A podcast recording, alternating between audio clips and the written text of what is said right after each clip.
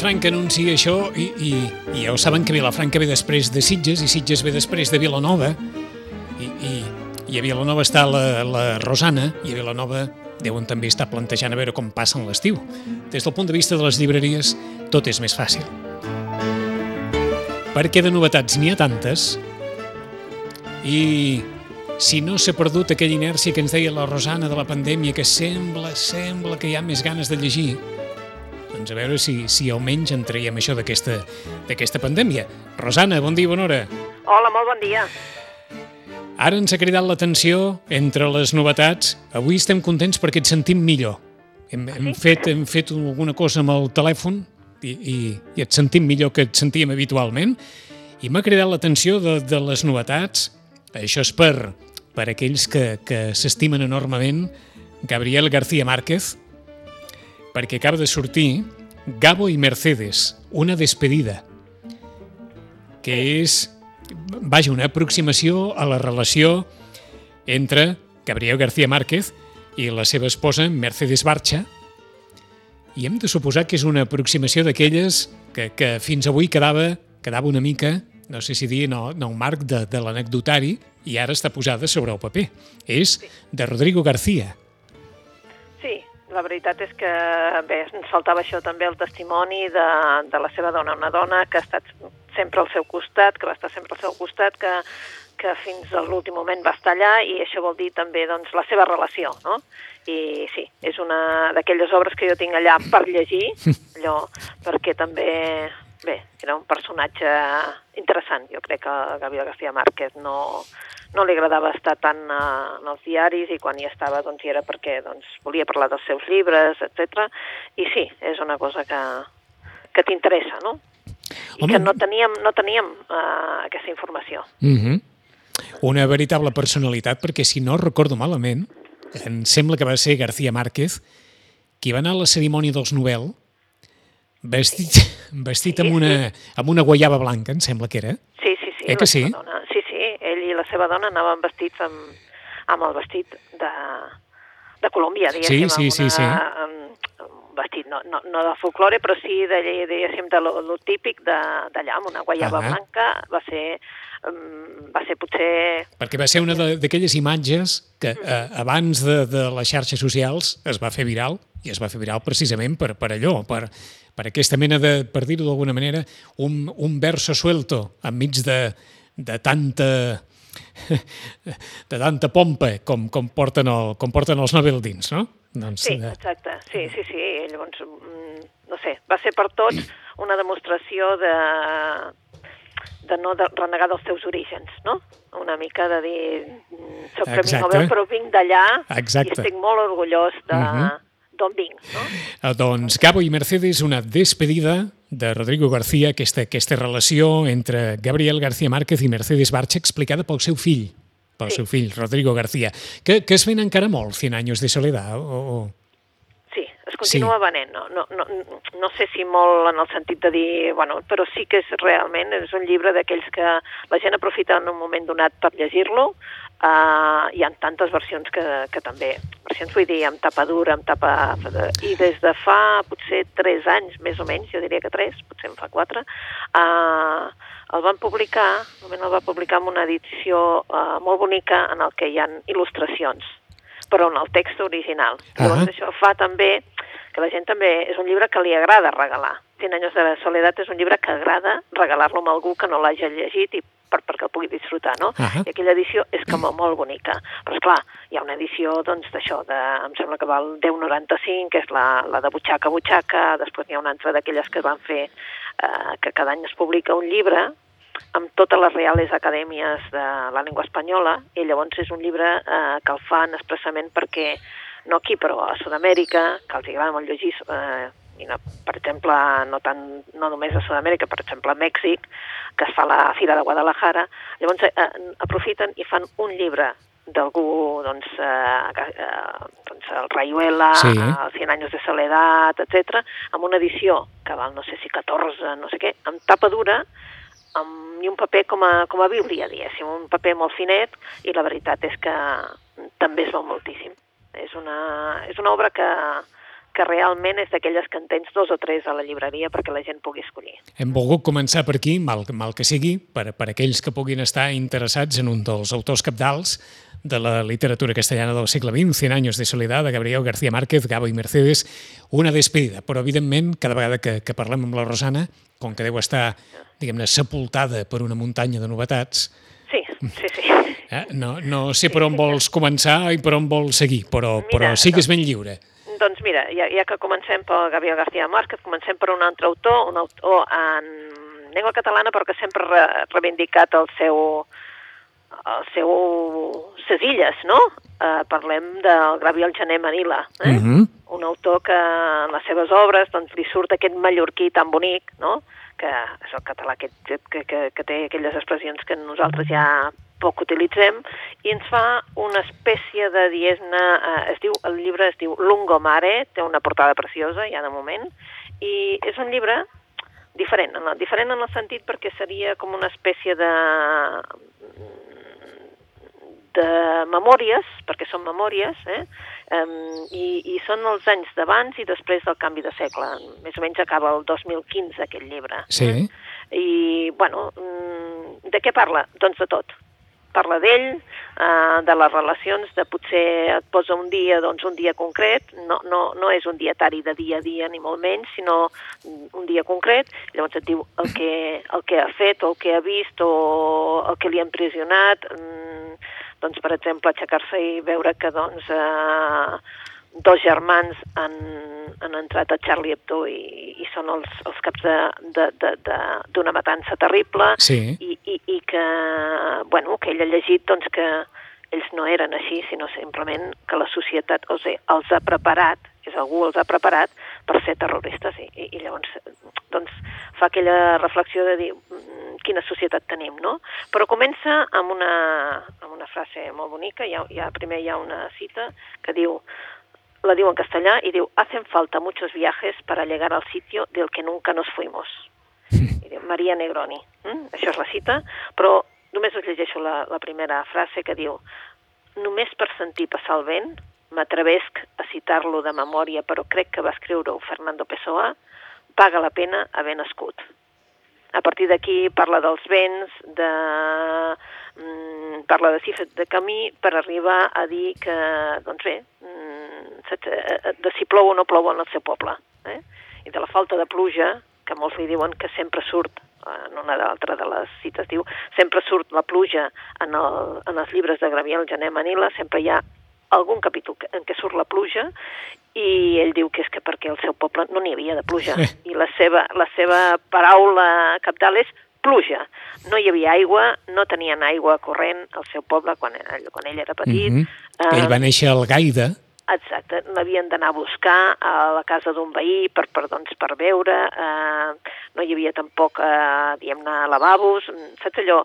I, i per ell la, la pluja, eh, això de sí, sentir sí. la pluja que, que arriba, doncs és, és sinònim de, de felicitat, no? Mm -hmm. Bé, és un, és un, una espècie de dietari, diguem-ne, es diu Memòries, evidentment Lungomare, Memòries, i, i és això. I la veritat és d'aquells llibres que agafaries i t'asseuries, eh, disfrutaries una estona i no tens per què disfrutar-lo. Saps aquells de què agafes i deixes sí, sí. i tornes a, a agafar? I per això m'ha semblat... Un... Que aquests, aquests llibres són molt interessants, eh? Sí. Els llibres sí. d'agafar i deixar, d'agafar i deixar...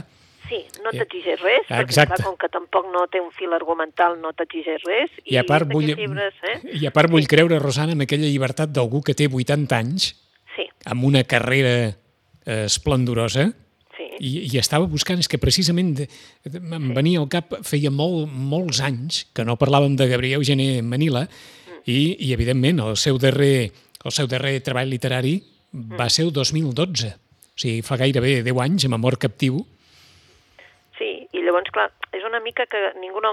Saps, aquests autors sí, sí. que sempre has tingut allà, que és un referent també en novel·la, doncs, en un moment va ser també referent en novel·la juvenil, eh?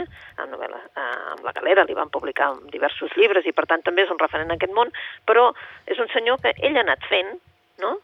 Eh, allunyat de tot, eh, allà a Mallorca i a més a més eh, també molt crític, molt crític amb l'especulació del paisatge, amb el que s'està fent amb la illa, uh -huh. amb la gestió de la cultura d'allà, etc etc. Per tant, bé, és allò per tenir-lo allà al costat, saps?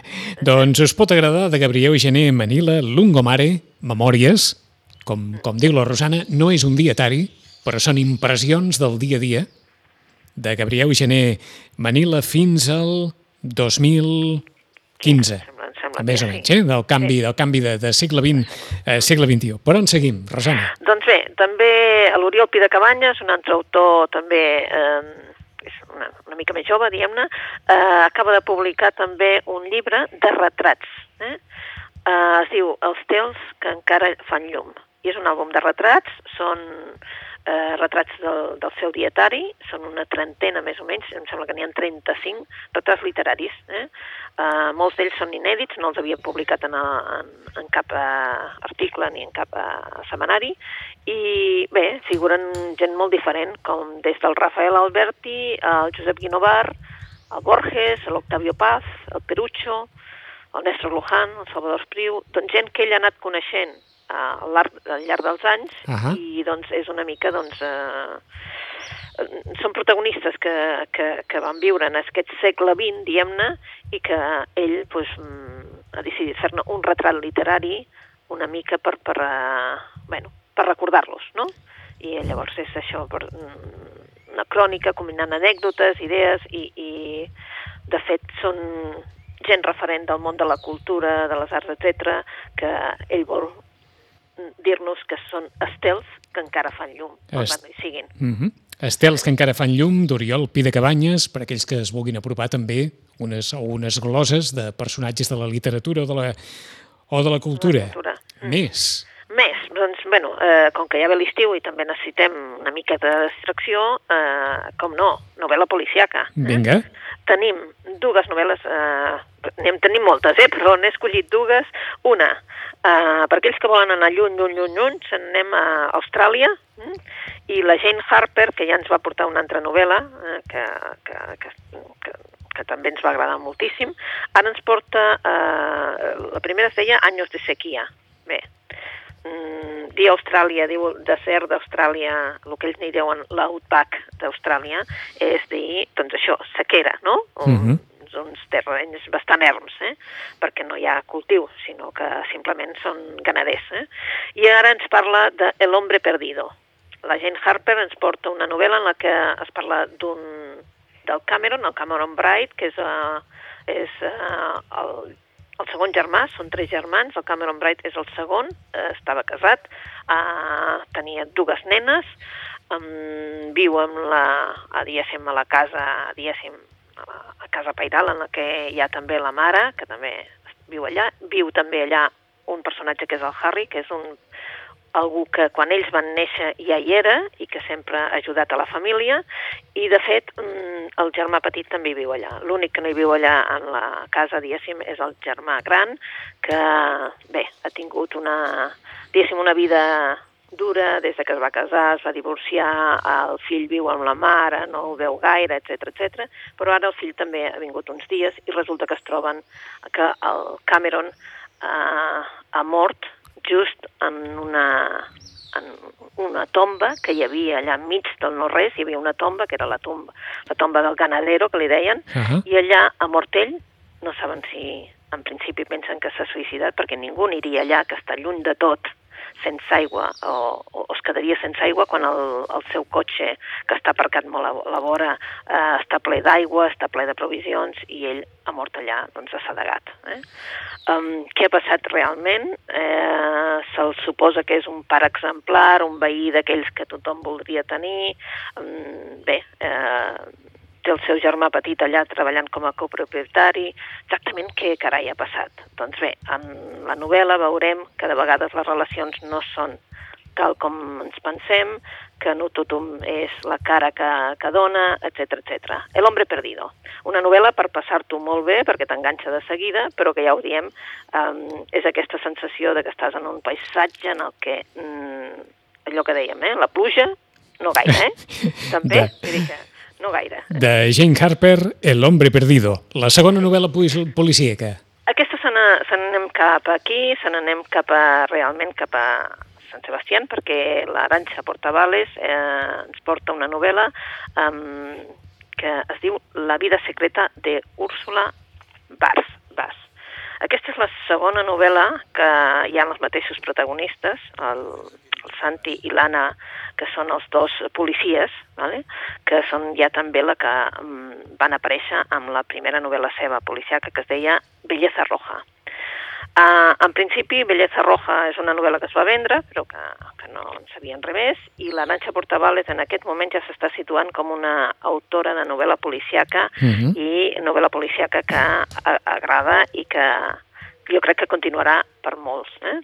Um, la vida secreta d'Úrsula Bas és la vida de... Bé, eh, ens parlen de la, del cas d'aquesta... Uh, la Úrsula Bas és, un, és la Úrsula B. Punt, que seria una escritora, una escritora de novel·les eh, policiaques, una escritora de novel·les que ha desaparegut i no saben, evidentment, si és que ha desaparegut perquè, perquè n'estava farta de tot, perquè volia una altra vida, ha deixat el marit i la criatura, tothom està molt amoïnat, i entremig el que veiem és la història dels dos policies i a més a més la d'aquesta que entremig també veiem una història de maltracte i d'una altra persona que va morir fa tres anys. Entre, mm, de tant en tant va parlant la Úrsula que es veu en una... està en un sòtan, només veiem que està en un sòtan i ella va parlant i va reconeixent uh, què ha fet malament i què ha passat fins ara. En definitiva, fins a l'últim moment estàs absolutament pendent de tot perquè penses ara és aquest, és l'altre, et fa dubtar absolutament de tots els personatges i per això us dic que la vida secreta d'Úrsula Bas et fa passar una estona increïble perquè no penses en res més que en el cas d'aquesta escritora. Una història interessant, la de la d'Aranza Portavales, eh? l'hem anat a cercar mentre, mentre la Rosana explicava eh, la història de, de la vida secreta d'Úrsula Bas. Ella diu eh, va canviar la seva vida a partir de, de, de l'èxit literari, però també diu que no li dona per viure, que no li dona per viure, però sí per portar una, una vida molt, molt amunt i avall, molt sense, sense parar. I, entre altres coses, explica que, que els seus pares van, van marxar l'any 1961 a lo que s'hi van tots els marineros a pescar, a buscar una vida mejor, i ho explica perquè eh, va, va marxar, entre altres coses, els seus pares van, van marxar, van, van emigrar, Diu, mi hermano se fue con un año y allí se quedó, nosotros nos vinimos l'any 1985. Diu, a mi venir me partió la vida. Amb 18 anys va tornar al País Basc, però aleshores ja estava enamorada de Galícia. Sí. I crec que no podria tornar a viure allà perquè necessito aquest ritme lent de, de vida. Ella és filla de mariner i, i explica una història personal, familiar, eh, diguem-ne que, que dura o que pocs estarien a, a acostumats a, a, a viure. A part d'escriptora, ella és interventora. És veus... És... Interventora, és a dir, vostès s'han de fer ara l'efecte d'una interventora, amb aquesta imatge que tenim de les, de, de les persones que es dediquen a aquesta feina tan complexa a les institucions públiques, ella és interventora i y ya digo, aparte de escritora, usted es, soy del cuerpo de finanzas, interventora. Yo pensaba que lo suyo eran las letras, le preguntan a la voz de Galicia. Y ella diu, y ara agafin-se fort, yo empiezo todas mis novelas con una tabla de Excel. Si, si abre mi armario lo verá muy desordenado, pero si abre mi mente se encontrará con Sheldon Cooper es que nadie resiste este ritmo sin llevar un orden mental implacable. O sigui que comienzo todas mis novelas con una tabla de Excel. Queda dit? Per, per no, no perdre cap detall. Aranza Portavales, l'autora de La vida secreta de Úrsula Bas i de Belleza Roja, i, i com diu la, la Rosana, una escriptora que està prenent cada vegada més volada. Sí. I bé, Vinga, que tenim, tenim temps per... Sí, una més o dues? Bueno. Dues, dues amb, amb, amb ritme i una sense tanta ritme. O sigui que tu bueno, mateixa. Mira, uh, diem una així rapideta que acaba de sortir, va sortir, bueno, de fet ha sortit avui, que es diu Amigos para siempre. Eh? Mm -hmm. eh, sembla el títol de la cançó. sí. Eh? Uh, és uh, Daniel Ruiz, um, bé, eh, de fet, és un, una, una novel·la sobre realment una festa, eh, una festa, una festa que munta, eh, són un, un grup d'amics, un, un grup d'amics que són, han sigut amics tota la vida, eh? el Pedro, l'Orite, el Rubio, Sèrvies, Sebas i el Marcelo són amics, eh? són amics de tota la vida, les seves dones ara també formen part d'aquest grup, que és un grup de WhatsApp que es diu Amigos para siempre. Uh Mhm. -huh. eh? Bé, tots junts, ara s'han fet grans, és l'aniversari dels 50 anys del Pedro, Pedro fa 50 anys, i per tant els convida, convida els seus amics a fer aquesta festa d'aniversari a la seva a casa. És una casa amb una urbanització, Pedro diguéssim que és el que té millor situació econòmica, eh, vale? és, eh, és el, diguéssim, el president d'una companyia industrial, eh, vale? i llavors, clar, vull dir, té una situació bastant folgada. I la seva dona, en canvi, ha passat moments de tot, eh? moments de depressió, moments de no, i ara, evidentment, veiem les relacions d'aquests personatges, de què pensen cada un d'ells, eh? què passa aquest dia, i serà un dia per no oblidar-lo. Eh? Oh. Eh? Vull dir, serà un dia per no oblidar-lo. Eh? Ens veiem, ens veiem a venir Sarau, eh? Sí, Sarau. Eh? Sarau. Pues, amigos para siempre és això. De Daniel Ruiz. Exacte, de, de Daniel Ruiz. I una més. Una més, doncs acabem una cosa eh, inquietant, eh? Un, una novel·la que es diu Lunada. Lunada, que diu l'experiment... Eh, perdó, una novel·la, no? Eh, Bueno, és una, un llibre en el que ens... Eh, que sembla ficció, però de fet és un fet real. Eh? L'onada de és un llibre com per llegir-lo, eh? sobretot perquè, mm, eh, de fet, al 69, en un institut de Califòrnia, un professor va posar en marxa un experiment molt controvertit. Eh? De fet, ell volia explicar eh, l'Holocaust, l'Holocaust Sí. jueu, els hi vas començar a explicar amb els alumnes l'Holocaust jueu, els hi va explicar el que estava passant, etc etc. Clar, era el 69, els alumnes doncs, quedaven horroritzats i van començar els alumnes a, a fer preguntes. Home, com pot ser que ningú no digués res? Com pot ser Mhm. que tu, tots eren nazis? No, no, tots no eren nazis. Tots eren... Eh, ningú no va veure res. Mm, Com és que no sabien que, que estava passant allò? Per què no es van revoltar? Etc etc. I va començar... I ell se li va ocórrer un, un, un experiment. Mm? El dia següent va posar en la pissarra el treball, eh? Serà lliures, Sí. eh, i va començar doncs, a fer l'experiment ell a dintre de la classe.